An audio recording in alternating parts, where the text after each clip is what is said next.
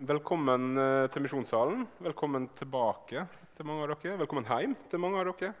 Eh, kjekt, kjekt, å se dere. Eh, dette her er jo en slags tjuvstart av semesteret. Oss, eh, oss er jo ikke tolk i dag, og sånne ting, og det har rett og slett med at folk fortsatt har ferie. Eh, så, så, dette her er en sånn tjuvstart med litt eh, færre folk enn vanlig, men likevel et fint møte, tror jeg det skal bli. Eh, med gode muligheter for å sette seg ned og ta en prat etterpå. Litt eh, færre stemmer som kakler i hallen i dag enn ellers. Litt deilig er det også. Um, for meg har det vært en fin sommer på mange måter. Jeg vet ikke hvordan sommeren din har vært. Um, kanskje har du hatt en deilig ferie hjemme i lag med din familie, dine venner. Kjente og kjære fått lov til å koble helt ut fra studiehverdag eller fra, fra, de bekymringene som du går med til vanlig. Eh, kanskje er du giftere. Det er jo flere i salen som har gjort det i sommer. Eh, gratulerer med det. Eh, eller du har vært i bryllup. Eller Du har i hvert fall fått gjøre ganske mye kjekt, kanskje. Eller kanskje har du hatt en litt kjip sommer der, du, der alle vennene dine plutselig stakk til alle kanter av Norge, og så satt du igjen og var litt sånn der gleder meg til august, når på en måte folka er tilbake og jeg får eh, ha kontakt med dem gjennom andre kanaler enn sosiale medier. Um, men et spørsmål som, som brenner litt uh, for meg, og som jeg har kjent på at det har vært utfordrende i sommer, det er hvordan jeg har hatt det med Jesus. egentlig.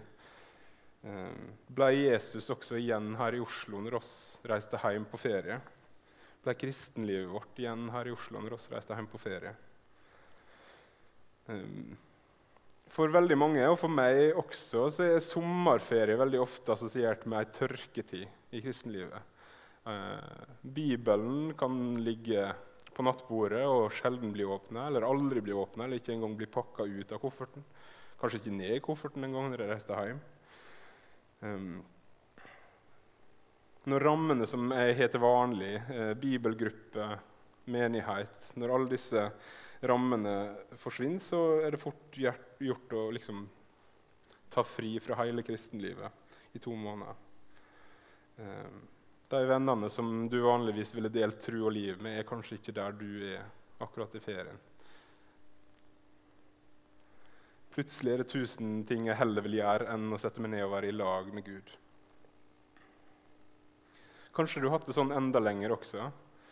Sommerferien er typisk tørketid for mange, men kanskje har du hatt ei tørketid i ditt liv i lag med Gud enda lenger enn det. Kanskje har Bibelen din ligget uåpna på nattbordet et helt år. Kanskje er alt det du har fått ta til deg ifra Guds ord, vært her i misjonssalen. Det kan, gå, det kan, gå, fryktelig lenge mellom gangene der å sette oss ned og bruke tid i lag med Gud, og så kan det virke så utrolig tørt. Gud kan virke så utrolig fjern, og oss kan føle oss så langt vekk fra Han. I sommer har jeg hatt en fin, om en litt hektisk sommer. Eh, men jeg har også opplevd tørke denne sommeren. Eh, jeg har vært heldig nok til å få lov til å være med på noen leirer og festivaler. Jeg fikk være med på en ungdomsleir i Grimstad. Jeg fikk lov til å være med på generalforsamlinga til NLM, og jeg fikk lov til å være med på UL. Eh, men utenom de festivalvekene så har det blitt fryktelig lite bibellesing. Fryktelig lite tid i bønn. Det er så mange andre ting enn heller skulle gjort. Fullført en sesong av en serie, bada litt mer, eh, hengt litt med. Gode ting i seg sjøl, egentlig. Eh, men så har Bibelen blitt liggende. Så er bønnelivet dødd. Til og med bibelappen på mobilen er blitt vanskeligere å åpne sjøl når en er på do og ikke har så mye mer eh, fornuftig å gjøre mens en venter på at det som må skje, skal skje. Um,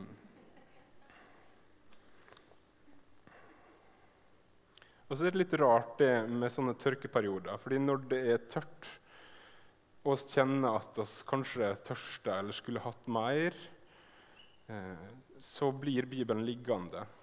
Mens de gangene der oss er inne i en god stim, den gangen der Bibelen er fersk for oss, så greier vi nesten ikke å stoppe. Så vil vi ha mer, må vi ha mer.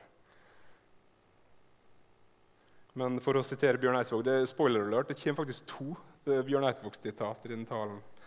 Eh, I de periodene der det er tørt, kan det nesten virke som om jeg prøver å unngå det. for å sitere Bjørn Eidsvåg. Hvorfor er det sånn?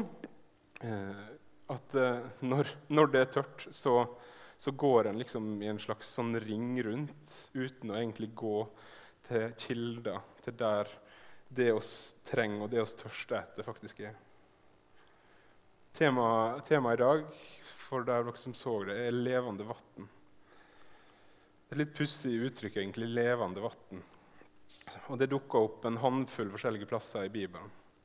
Ehm, jeg skal starte med en av kanskje den mest kjente plassen. Den plassen som alle forbinder med det uttrykket. og Det er fra Johannes kapittel 4, der Jesus møter ei kvinne ved en brønn. Eh, fra et annet folkeslag, hun er samaritan. Samaritaner og jøder, dårlig stemning. Og så snakker Jesus til denne kvinna. Ehm, hun kommer alene for å trekke opp vann, og Jesus han er tørst, så han sier 'gi meg noe å drikke'. Og Så blir hun sjokkert og så sier hun, 'Hvordan kan du snakke til meg? Du er en jødisk mann, jeg er samaritansk kvinne.' Det er jo sjukt dårlig stemning mellom oss egentlig. Hva er det du holder på med? Um, og Så svarer Jesus uten egentlig imøtegå det i det hele tatt. så svarer han, Kjente du Guds gave, og visste du hvem det er som ber deg om drikke? Da hadde du bedt han, og han hadde gitt deg levende vann. Levende vann. Det er jo et merkelig uttrykk, en merkelig ting å si. Hva betyr egentlig levende vann? Hva betyr det i Bibelen? Eh, for å forstå det så må vi se litt på noen andre vers. Vi skal lese to vers nå fra Det gamle testamentet, eh, fra Jeremia. Begge to er sagt i en domskontekst. altså Det er Gud som eh, som har noe han anklager israelittene for, og sier at han vil dømme dem for. Eh, det høres kanskje litt sånn dystert ut i denne sammenhengen, men for å forstå uttrykket så skal jeg se på to sånne vers. Eh, først i kapittel 2, der dette verset er som på en måte en oppsummering av hele anklagen eh, mot israelsfolket fra Gud.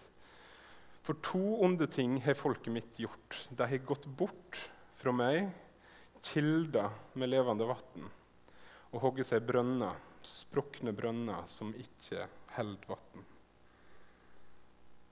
Det andre verset er i kapittel 17 og vers 13. Og Der dukker uttrykket 'levende vann' opp igjen. Herre, du Israels håp. Alle som forlater deg, skal bli til skamme. De i landet som vender seg fra deg, skal skrives opp. For de har forlatt Herren, kilder med levende vann. Som sagt, kanskje litt sånn dystre, dystre tekster.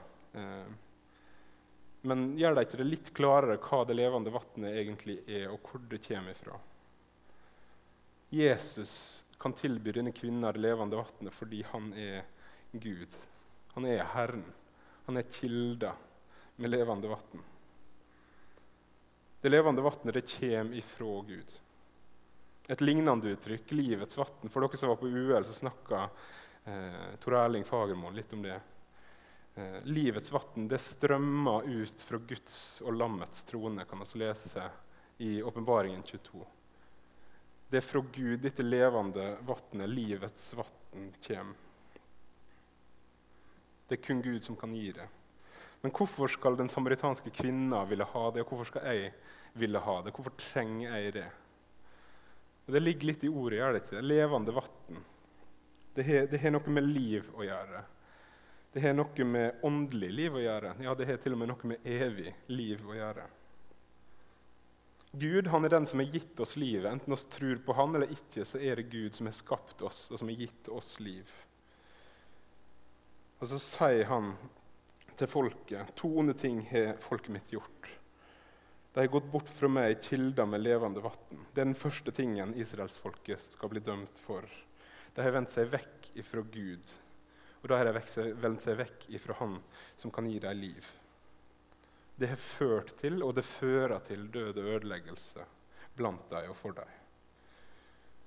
Gud, han som har holdt dem oppe, han som berga dem ut fra Egypt når de var slaver, han som berga dem ut av en håpløs situasjon i ørkenen og holdt dem i live der der ingenting lev, der levde israelsfolket i 40 år fordi Gud holdt dem oppe og ville det slik.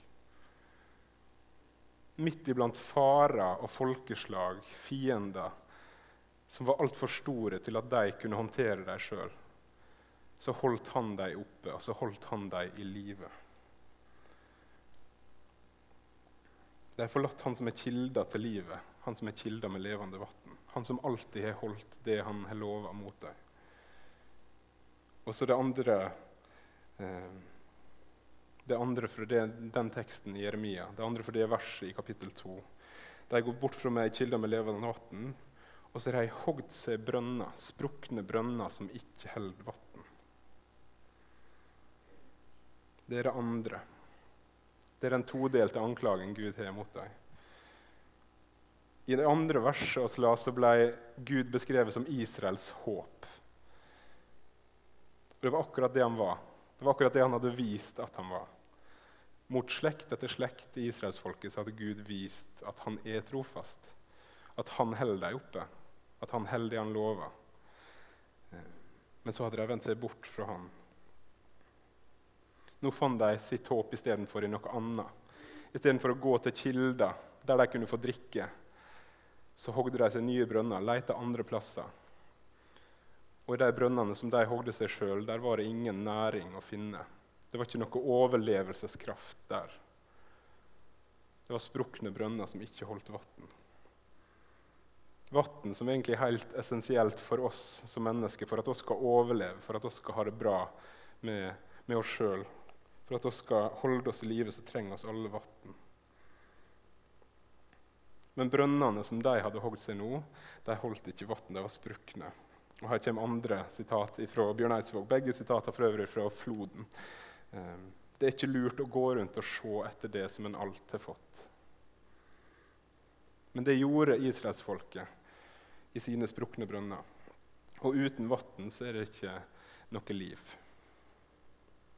Og det de hadde gått vekk ifra, dypest sett, det var Guds ord. Når de sto på grensa og skulle innta landet, så ga Moses dem en lang lekse. Dette her er dere kommet ifra, disse feilene har dere gjort langs veien. Dette er det Gud sier til dere. Dette er det som skjer hvis dere følger det og lever etter det. Dette er det som skjer hvis dere ikke følger det og ikke lever etter det. Og nå er valget deres velsignelse, forbannelse, liv, død.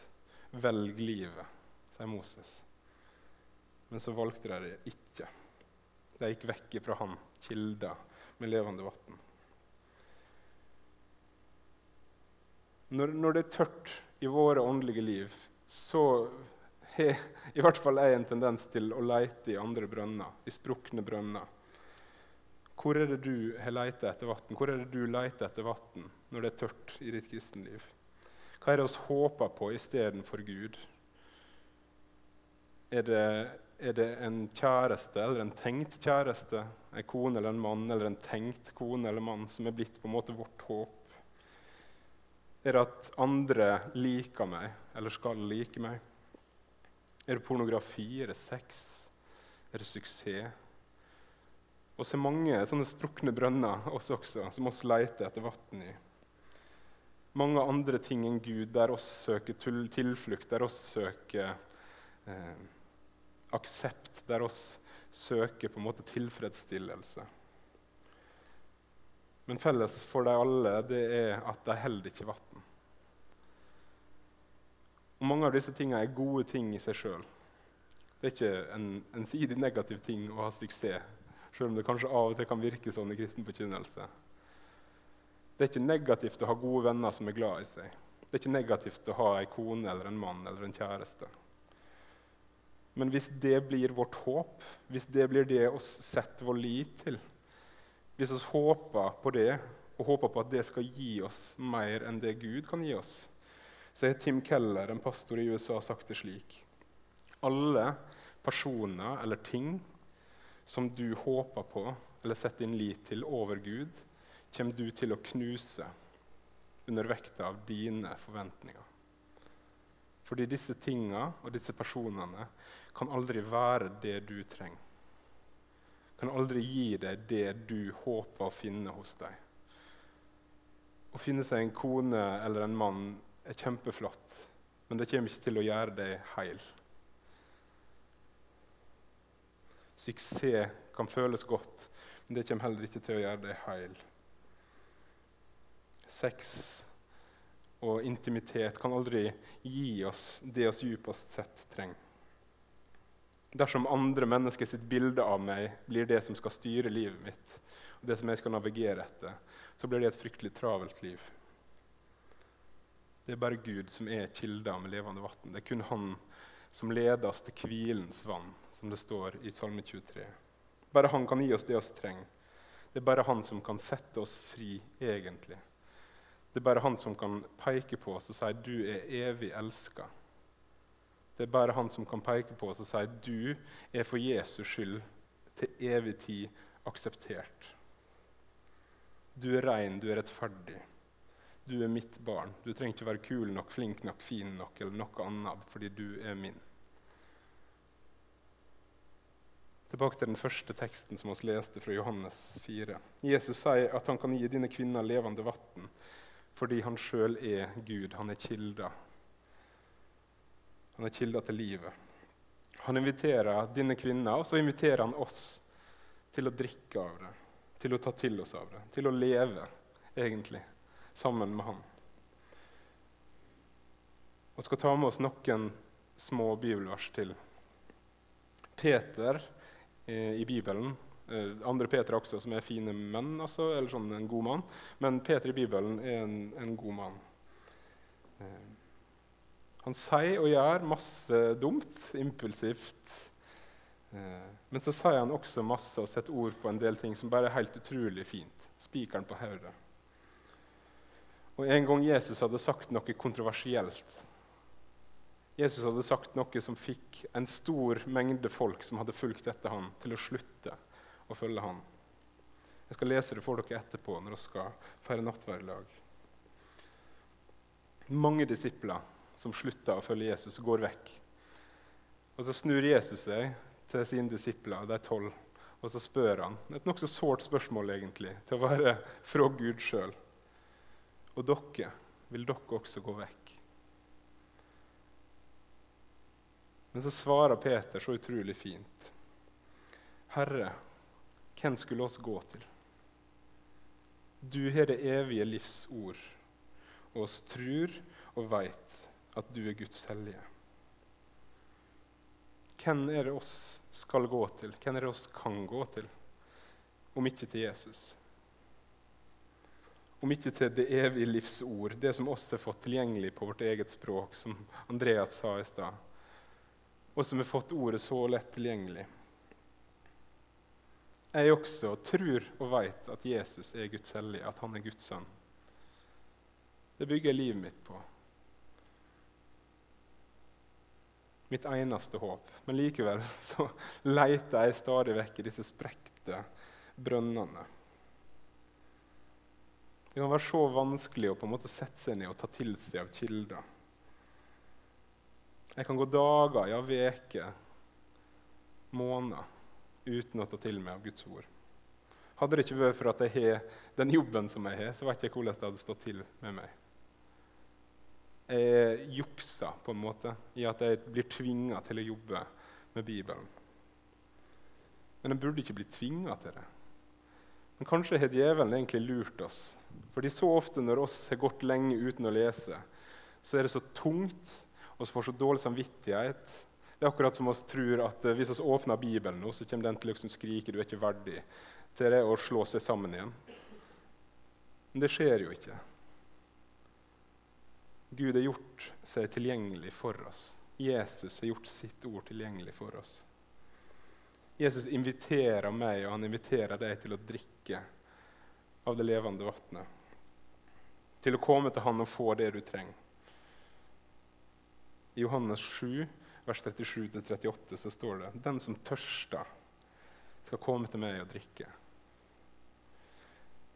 Og så står det videre Den som tror på meg, fra hans indre skal det, som Skrifta sier, strømme elver av levende vann. Det siste der er også mitt siste måte, poeng for i dag. Når vi lever tett på kilder, når vi tar til oss av Guds ord, når vi driter i våre sprukne brønner og kommer tilbake igjen til Han som faktisk har det vannet som gir oss liv. da vil han forvandle oss. Da vil han gjøre det sånn at ikke bare får oss ta til oss av dette vannet, men det skal flomme ut av oss også. Da vil han gjøre oss mer og mer til oss sjøl, til de som han skapte oss for å være. Da vil han gjøre oss til sånne som andre får lov til å merke at det er prega av dette. Så får Jesu ord ikke bare komme inn, men det får også flomme ut i møte med de som oss møter. Til deg som har hatt ei tørke i sommer, og til meg som har hatt ei tørke i sommer, så vil jeg bare på Guds vegne få invitere, deg, invitere dere tilbake igjen til kilda. Gud vil fortsatt møte deg i sitt ord. Jesus er fortsatt nådig. Når du åpner Bibelen din, så kommer du ikke til å finne, eh, finne et vers der det på en måte, du er ikke verdig til å lese Bibelen. Kom deg vekk. Du kommer til å møte så mange tekster som igjen og igjen understreker Guds trofasthet. Jesus som sier 'Kom til meg'. Det siste jeg vil si til dere, er i løpet av den kommende veka, sett dere ned og les Jesaja 55. Og tenk på, tenk på at det kapittelet det kapittelet er som en eneste stor invitasjon til å se mer av hvem Gud er til å undre seg mer over hvem Gud er, gjennom å lese i Hans ord. Det er også starta med vann. Kom og drikk, du som tørster. Så husk det, Jesaja 55, fordi Guds ord sin egen invitasjon er så mye finere enn det jeg greier å formulere. Skal vi be. Kjære Jesus, du som er Herre, du som er kilda med det levende vannet. Hvem skulle oss gå til om ikke til deg? Hvor skulle oss finne liv om ikke hos deg? Du som har skapt oss, du som er trofast, du som holder det du lover, du som er miskunnsam mot slektsledd etter slektsledd. Må du tilgi oss for alle våre forsømmelser. Må du tilgi oss for at oss så ofte går rundt og ser etter det som oss alt har fått i deg. Må du føre oss tilbake igjen til ditt ord, til deg, til evangeliet. Må oss få lov til å leve der, må oss få lov til å vokse der. Må oss få lov til å glede oss der. Du ser eh, mitt liv, og du ser livet til de som sitter her. Du ser de som har hatt det tørt i sommer, de som har kjent på det samme som meg, at Bibelen kan virke så vanskelig å åpne. Jeg ber, må du gi oss eh, frimodighet, må du gi oss lyst til å ta opp ditt ord til å lese i det og til å drikke djupt av den brønnen som det er. Hjelp oss, du, ved Din Hellige Ånd. I ditt navn, Jesus.